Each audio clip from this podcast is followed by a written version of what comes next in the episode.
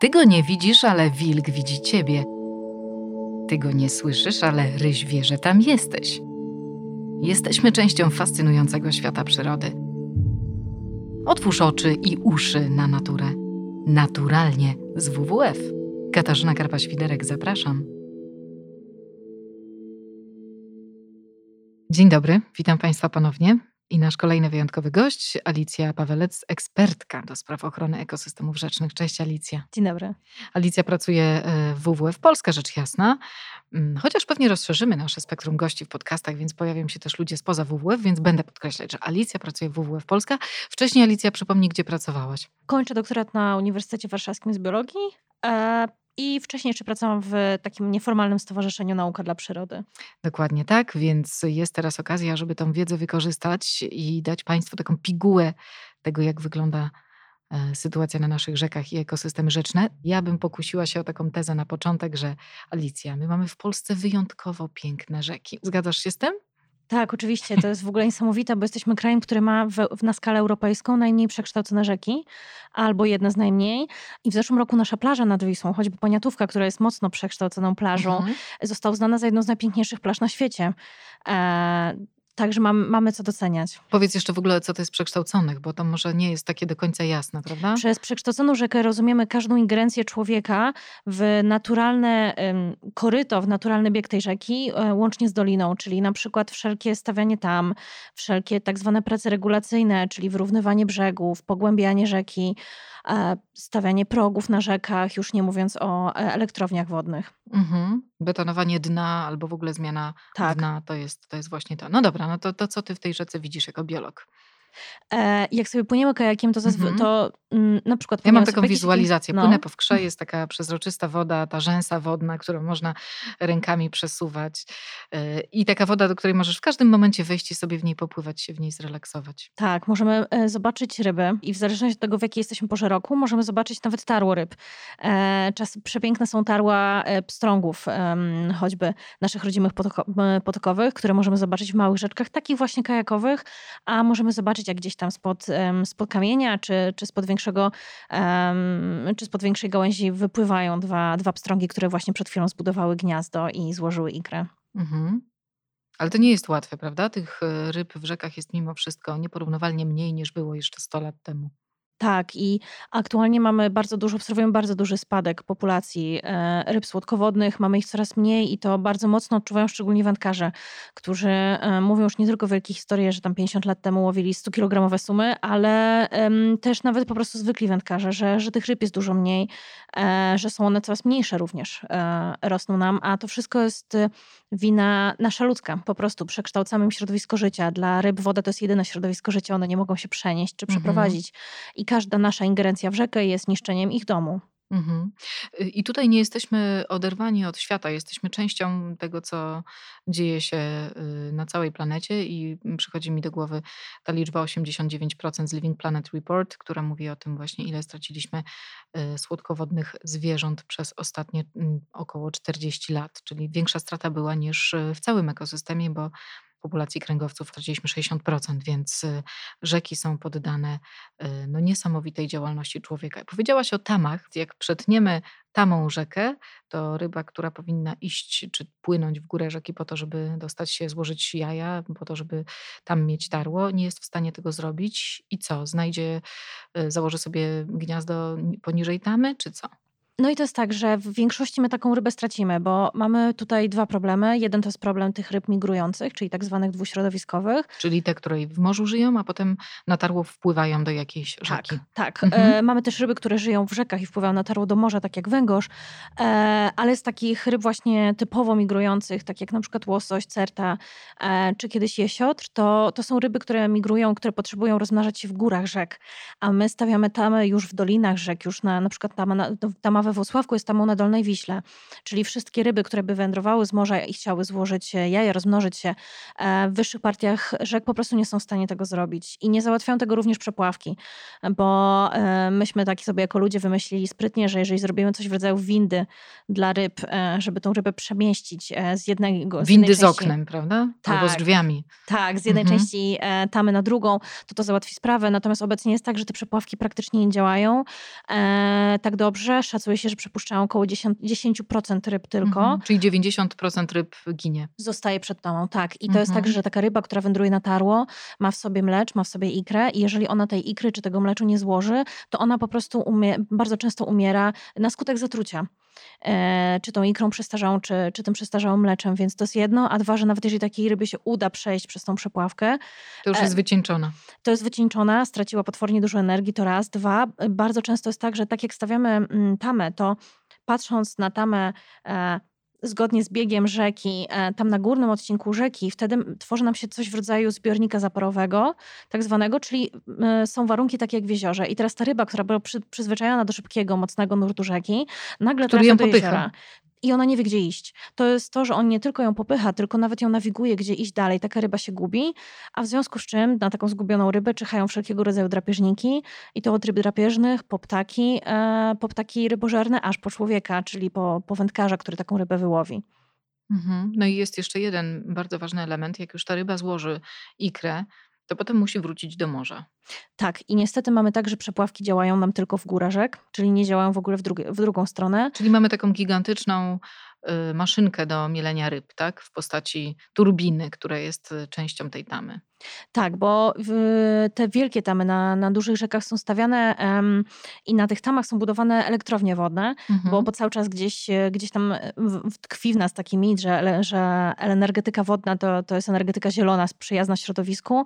No i właśnie w ten sposób na tych turbinach tej elektrowni te ryby po prostu są mielone jak mięso, nie, nie mają mhm. praktycznie żadnych szans. Powiedziałaś o tamie we Włocławku, zostańmy przy niej na chwilę. Tam rzeczywiście jest ten ogromny zbiornik, który się tworzy po drugiej stronie e, tej tamy. Przed tym, jak została wybudowana wędrowały w górę rzeki Siodry. Pamiętam takie fotografie z przedwojennego albo nawet już z powojennych targów w Warszawie, gdzie były w hali mirowskiej była taka wielka ryba, bo jesiotry dorastały nawet do 4,5 metra. Czyli taką niesamowitą rybę kiedyś mieliśmy y, w Wiśle, a ona teraz się w Wiśle nie pojawia. Nie, i w, szacuje się, że ostatnie jesiotry z Wisły wyginęły gdzieś w latach 50., 60.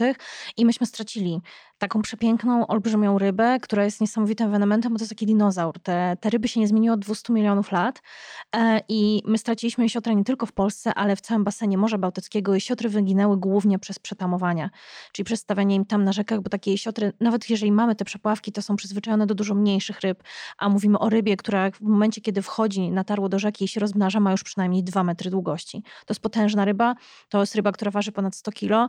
E, nie mamy dla takich ryb przepławek. No i też niszczymy jej środowiska życia, stawiając te kolejne tamy i po prostu pozbyliśmy się jej z naszych rzek. A czy ona jeszcze ma szansę przetrwać? E, jest prowadzony program e, introdukcji jesiotra, czyli przywracania go do naturalnego środowiska. Który kosztuje pewnie miliony. To raz, a dwa, że e, wszystkie państwa Bałtyku się, się zadeklarowały, Polska również zadeklarowała w ramach konwencji bernańskiej, że tego jesiotra przywróci.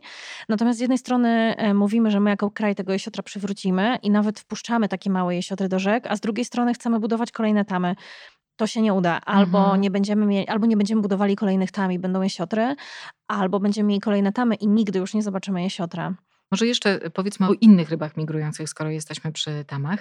Y, w niektórych nazwach miejscowości są zawarte, jakby jest zawarta historia taka biologiczna danego regionu, między innymi y, to, że były tam te a, albo inne ryby. I jest na przykład taka wioska, która się nazywa Łososina, która bardzo jasno sugeruje, że kiedyś tam musiały płynąć łososie.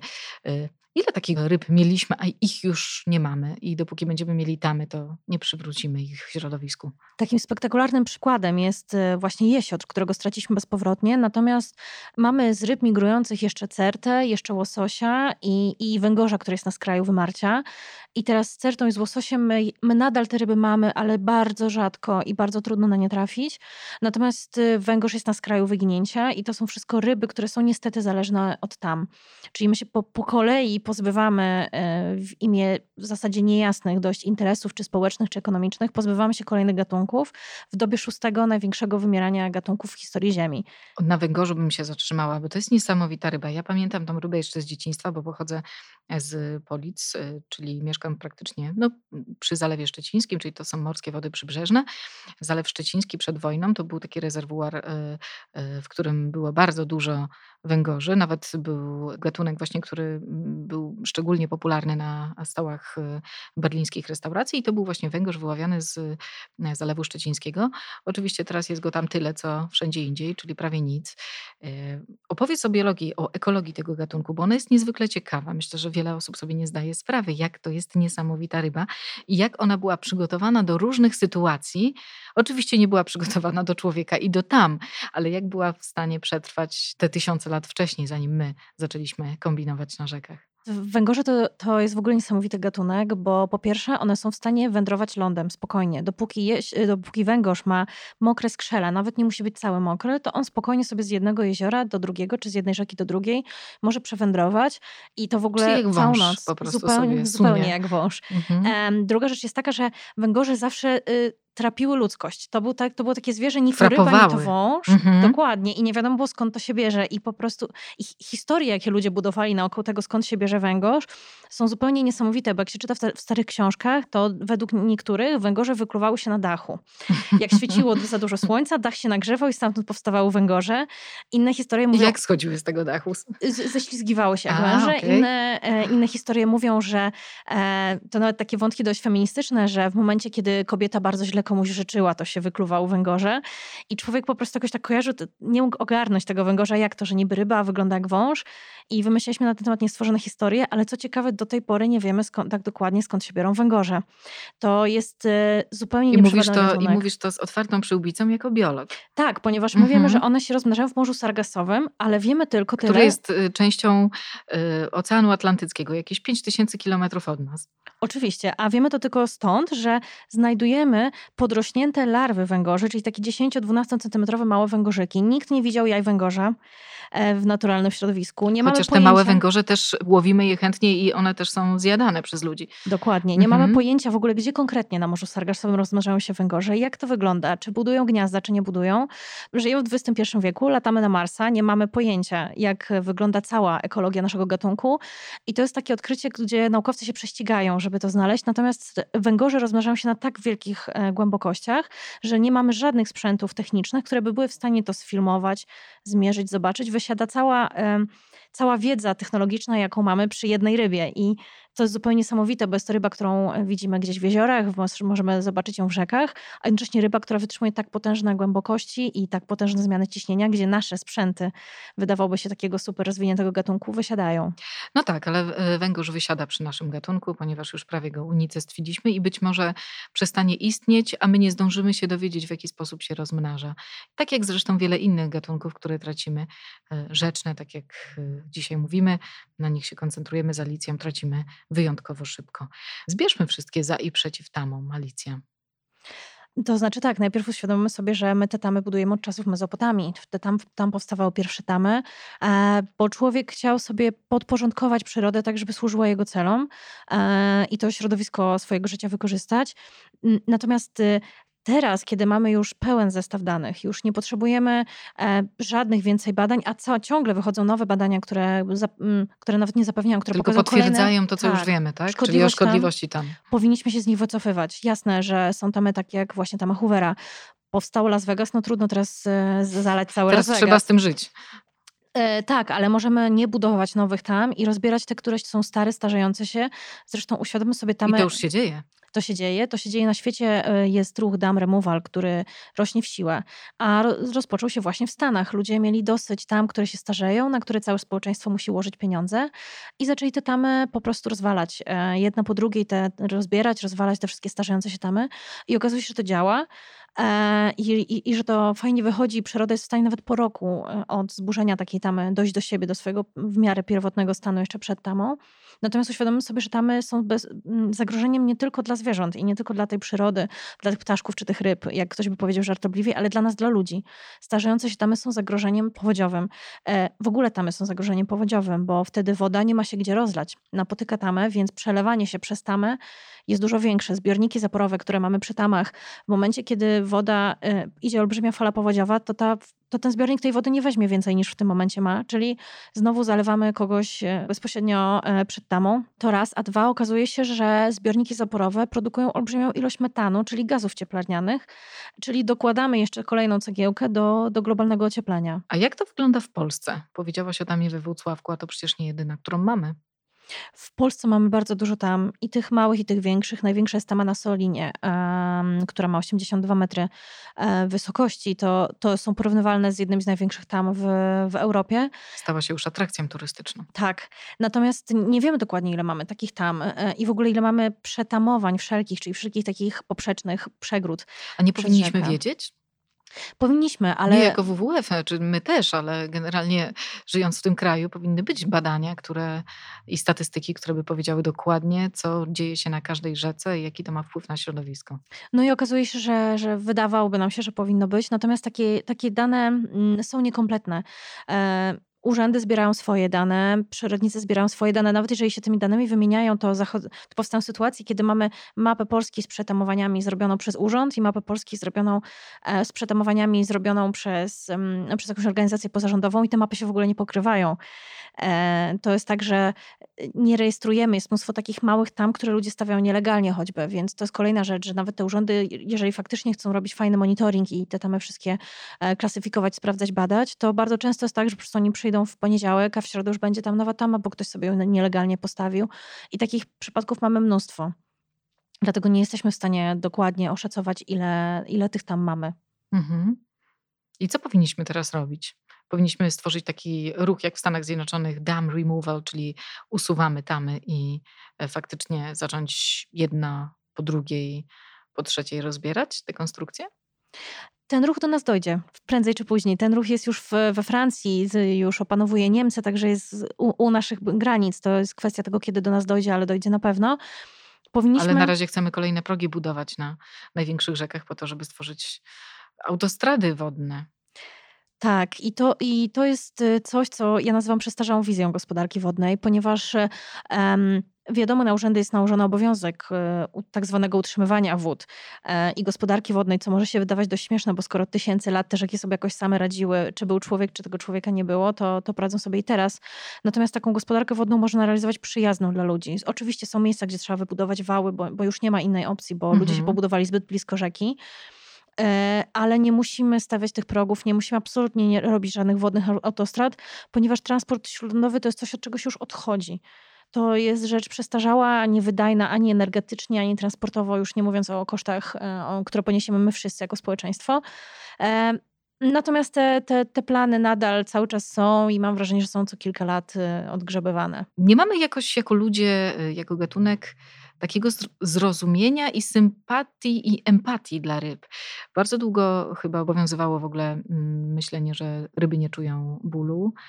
E, do tej pory mówi się na przykład, że ktoś jest wegetarianinem, ale je ryby, tak jakby ryba nie była zwierzęciem i nie była e, kręgowcem.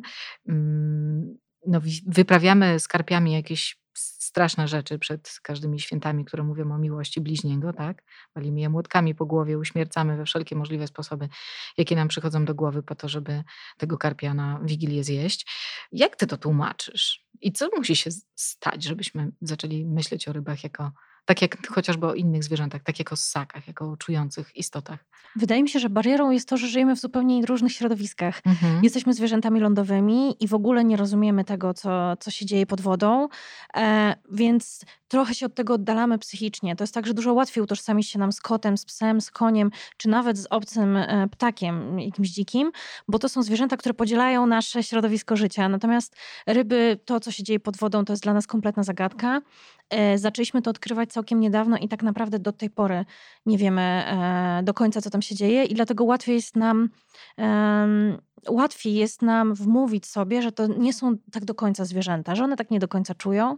Dodatkowo są to zwierzęta, które nie wydają dźwięków praktycznie. W związku z tym jesteśmy przekonani, że przecież gdyby ta ryba czuła, to by krzyczała. A skoro nie krzyczy, no to, To nie wiadomo, pewnie nie boli. czuje. Mhm. Jasne. Natomiast nie mamy w ogóle pojęcia, co się dzieje z rybami i ryby są e, niestety nawet dla nauki są mało atrakcyjnym obiektem badań. Dopiero od niedawna prowadzi się badania, które mówią o tym, że ryby zapamiętują, że ryby się uczą, że ryby są w stanie kopiować od siebie nawzajem zachowania. Czyli mają jakieś społeczne zachowania też, tak? Oczywiście mało tego, w zeszłym roku pojawiła się praca, która pokazywała, że ryby są w stanie posługiwać się narzędziami. Także to A to coś- to musisz już wyjaśnić. E, to była taka niewielka rybka ozdobna e, w, zdaje się, w Oceanie Indyjskim, e, która używała e, kamieni do rozłupywania małży. Tak brała kamień w pyszczek i rzucała w, w tego małża. To wyglądało właśnie tak, jakby ona próbowała go rozłupać, bo ona się tymi małżami żywi. E, I to było w zasadzie pierwsze takie doniesienie, które spotkało się bez żadnego odzewu świata. To jest tak, że kiedy mówimy o tym, że znaleźliśmy jakiś nowy gatunek e, Tak, małpy, który się albo- posługuje narzędziami, to jesteśmy tak, wszyscy to wszystkie media to łapią. Natomiast ryby nadal nie są takim seksownym gatunkiem do, Mhm. e, do opowiadania, natomiast są zupełnie niesamowite wśród ryb i to wśród ryb, które mamy w naszych wodach. E, są troskliwi ojcowie, którzy nie tylko budują gniazdo, ale są w stanie odstraszyć ryby 3-4 razy od siebie większe, tylko po to, żeby zaopiekować się e, swoim, swoją ikrą, a potem opiekują się swoimi e, małymi dziećmi. Mają też niesamowite rytuały godowe i e, niektóre ryby, szczególnie samce, są w stanie dużo zrobić, żeby przyciągnąć tego samiczkę na swoją stronę. Tak, mamy, e, mamy w swoich wodach e, taki gatunek e, obcy, który prawdopodobnie za chwilę stanie się gatunkiem inwazyjnym. To nazywa się babka szczupła, całkiem wdzięczna nazwa. Jest to niewielka rybka taka do Nie mylić ze szczupłą babką. Tak, to, to jest niewielka rybka tak do 20 cm wielkości, em, która jest zazwyczaj koloru piaskowego. Natomiast samce w okresie godowym przybierają w sekundę, bo widziałam to na własne oczy, kolor czarny. Zupełnie z piaskowego robi się jak kameleon w czarny i im bardziej czarny, intensywny samiec, tym samiec jest silniejszy, piękniejszy, dorodniejszy i to ten samiec zagania samiczkę do wybudowanego przez siebie gniazda. W ogóle sama, e, samo stwierdzenie budowanie gniazda jest e, w przypadku rób wydaje się niesamowite, prawda? No bo to trudne jest pod wodą coś wybudować. No sami dobrze wiemy, każdy próbował kiedyś coś wybudować. Tak, one e, bardzo często budują te gniazda z jakichś takich małych kamyczków, w zależności od gatunku. Oczywiście z małych kamyczków, z trochę większych. Są ryby, w, to są ryby ozdobne już w cieplejszych wodach dużo, które budują całe takie skomplikowane budowle, byśmy to nazwali, z piasku. Im bardziej skomplikowany wzór budowli, tym atrakcyjniejszy jest samiec dla, dla samiczki, żeby do tego gniazda przypłynąć. A my, e, mając ryby ciągle jeszcze w, nas, w naszych rzekach, uważamy, że możemy z dnem zrobić, co nam się chce i to nie ma żadnego wpływu. Jakby nie pozwalamy, żeby dno służyło do tego, do czego służyło, czyli chociażby właśnie do tego, żeby ryby mogły w nich zakładać gniazda. Ym, Też nasza ekspansja na rzekach, która jest coraz bardziej widoczna. Ja tak się zachwycam kajakarstwem, bo rzeczywiście sama uwielbiam pływać na kajaku, ale też jak jest nas, ludzi, za dużo w jakimś miejscu, to też dla ryb może być niebezpieczne. Oczywiście, szczególnie właśnie w, w tym okresie e, godowym, kiedy one budują te gniazda, kiedy składają ikrę. E, jest tak, że jeśli chodzi o, o, o przepisy, to z jednej strony mam ustawę o ochronie przyrody, która mówi, żeby zwierząt e, nie, Nie płoszyć. płoszyć. Mhm. I nie niszczyć ich i nie gniazd. niszczyć ich gniazd, ale nie bierzemy za bardzo wtedy pod uwagę. Jak myślimy zwierzę, to, to rzadko myślimy ryba, to myślimy tylko tak zwierzęta lądowe. A z drugiej strony mamy w zasadzie tylko regulamin Polskiego Związku Wędkarskiego, który mówi, że w okresie tarła, czyli konkretne, konkretne daty tych ryb nie należy łowić, niepokoić. Ale to jest w zasadzie wszystko. I taki Tak, kajakarz dokładnie. nie ma żadnych takich przepisów, nawet nie wie skąd, skąd mógłby je brać. Mm, Są takie piękne y, roztoczańskie rzeki, stosunkowo płytkie, jak Wieprz, jak Sopot, jak Tanew. Tam właśnie ta ekspansja kajakarzy sprawiła, że zaczyna być problem z mm, miejscami, gdzie te ryby miały wcześniej swoje e, gniazda. Powiedziałyśmy sporo o rybach, a nie powiedziałyśmy jeszcze o innych mieszkańcach rzek, dla których chociażby tamy też są problemem. I to, co robimy rzekom, czyli te wszystkie przekształcenia w rzekach, które im zagrażają. Wymieńmy je. E, Na pierwszy rzut e, przychodzą do głowy choćby małże. E, I wszystkie mięczaki to są zwierzęta, które się po- poruszają bardzo słabo, i w momencie, kiedy my przetamujemy rzekę, to, to po pierwsze odcinamy im i fragmentujemy im ich środowisko, ale zmieniamy je diametralnie, tak jak rozmawiałyśmy wcześniej. Nagle z sytuacji ze zwierząt, które od, od tysięcy lat były przystosowane do życia w rzekach, nagle robimy im jezioro i one po prostu umierają, bo nie są w stanie się przystosować nie w takim czasie. Na to potrzeba lat, setek lat ewolucji, a, a nie tak naprawdę kilku dni czy, czy nawet kilku lat. To są małże, to są wszelkiego rodzaju bezkręgowce, to są raki, choćby Niektóre mają e, wspaniałe nazwy, takie jak na przykład szczerzuja.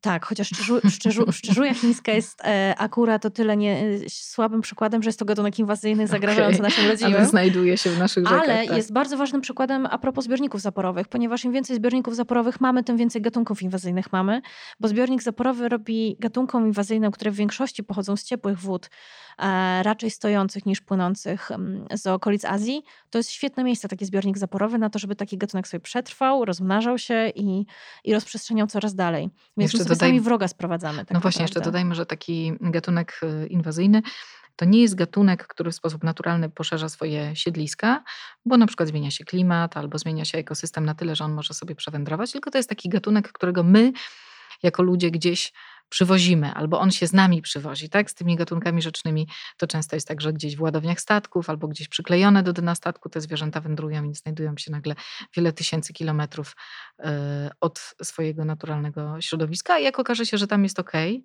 to y, zagrażają, tak, to czemu nie zostać i zagrażają wtedy e, tym gatunkom, które były tam od zawsze. No a skoro mamy te gatunki, które żyją w wodzie, to są też te gatunki, które są powiązane bezpośrednio z tymi wodnymi, czyli na przykład ptaki, lasy łęgowe, które znajdują się wzdłuż rzek, to najbardziej mm, różnorodne y, ekosystemy w naszej strefie geograficznej. A ptaki, które żyją przy rzekach, no są uzależnione od tego, żeby te małże, żeby te mięczaki, żeby te ryby tam były, bo e, inaczej nie będą miały e, e, możliwości przetrwania. Jak widzisz te ekosystemy nadrzeczne w Polsce? Czy tam sytuacja wygląda gorzej, czy wygląda lepiej? Jak ty to oceniasz? To jest tak, że przyroda się broni wszelkimi si y, siłami i to jest raczej tak, że my coraz więcej tych ekosystemów nadrzecznych niszczymy. No właśnie wycinamy lasy łęgowe, robimy plaże tam, gdzie nie powinniśmy, albo tam, gdzie są plaże, to my na nie wchodzimy, tak jak są takie wyspy, na których e, choćby rybitwy się rozmnażają. To są takie, które gniazdują na, e, na piasku, które nie mają gniazd gdzieś wysoko, a my na takie wyspy na przykład wpływamy kajakami mhm. w trakcie sezonu lęgowego. E, więc nasza ekspansja po prostu cały czas się powiększa i my te cały, cały czas przekształcamy im to środowisko życia. E, to się staramy się jeszcze bronić, tak jak mówiłam, mamy mimo wszystko jedne z najmniej przekształconych przez człowieka e, rzek w Europie, ale to nie potrwa długo, patrząc na, na to, jakie mamy plany na zarządzanie w ogóle gospodarką wodną e, w Polsce. Natomiast faktycznie my sobie czasami być może nie zdajemy sprawy, że to jest system naczyń połączonych. I to, że my gdzieś postawimy tamę i w zasadzie to nam wymrze jeden gatunek ryby i tam trzy gatunki małży, to nie będzie nic takiego, to, to nie, to nie będą tylko te cztery gatunki. To, to bardziej jak domino kolejne. działa, prawda? Oczywiście, to działa jeden. jak domino i to, to wymierają mm, wszystkie kolejne gatunki. Bardzo dziękuję. Państwa i naszym gościem była Alicja Pawelec, ekspertka do spraw wód i y, gatunków. Dzięki Alicja za udział w naszym podcaście. Dzięki. Będziemy jeszcze wracać do tematów ryb, rzek i e, opowiadać Państwu więcej fascynujących historii ze świata przyrody, także z tego, do którego my, lądowe ssaki, e, mamy mniejszy dostęp. Dzięki. Dzięki. Otworzyłeś oczy i uszy na naturę? Naturalnie z WWF. Więcej naszych rozmów znajdziesz w najpopularniejszych aplikacjach podcastowych – Zajrzyj też na stronę www.pl. Katarzyna Karpa-Świderek. Do usłyszenia.